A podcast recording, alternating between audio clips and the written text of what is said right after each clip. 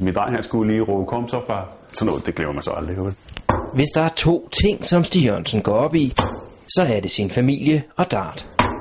I 2008 gik det så op i en højere enhed. Familien var nemlig med på sidelinjen, da far vandt EM for hold i Valby efter en sejr over Holland i finalen.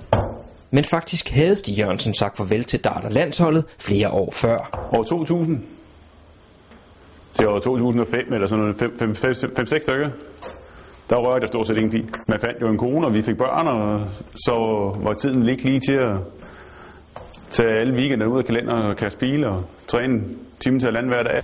Men børnene blev større, og så blev det igen tid til at kaste lidt pile, og i 2008 kom så en fantastisk mulighed for familiefaren. Og det var sådan en historie om, at når jeg landstræneren synes, det gik fint, om ikke lige jeg skulle tage mig lidt sammen og prøve at tage det lidt seriøst igen, og det, og det gjorde jeg så. Ja, vi kan se herovre, hvad det medførte jo.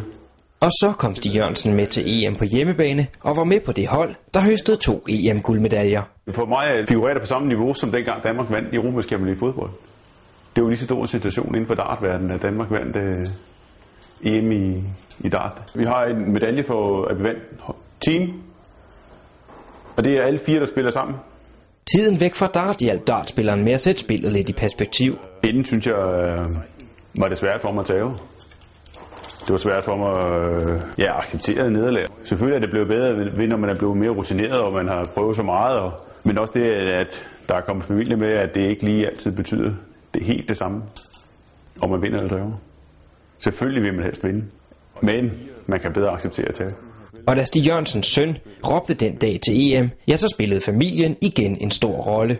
Skulle man lige gå et skridt tilbage igen og starte forfra, fordi man kunne godt mærke, at når jeg det var selvfølgelig at det var vigtigt at vinde, ikke også?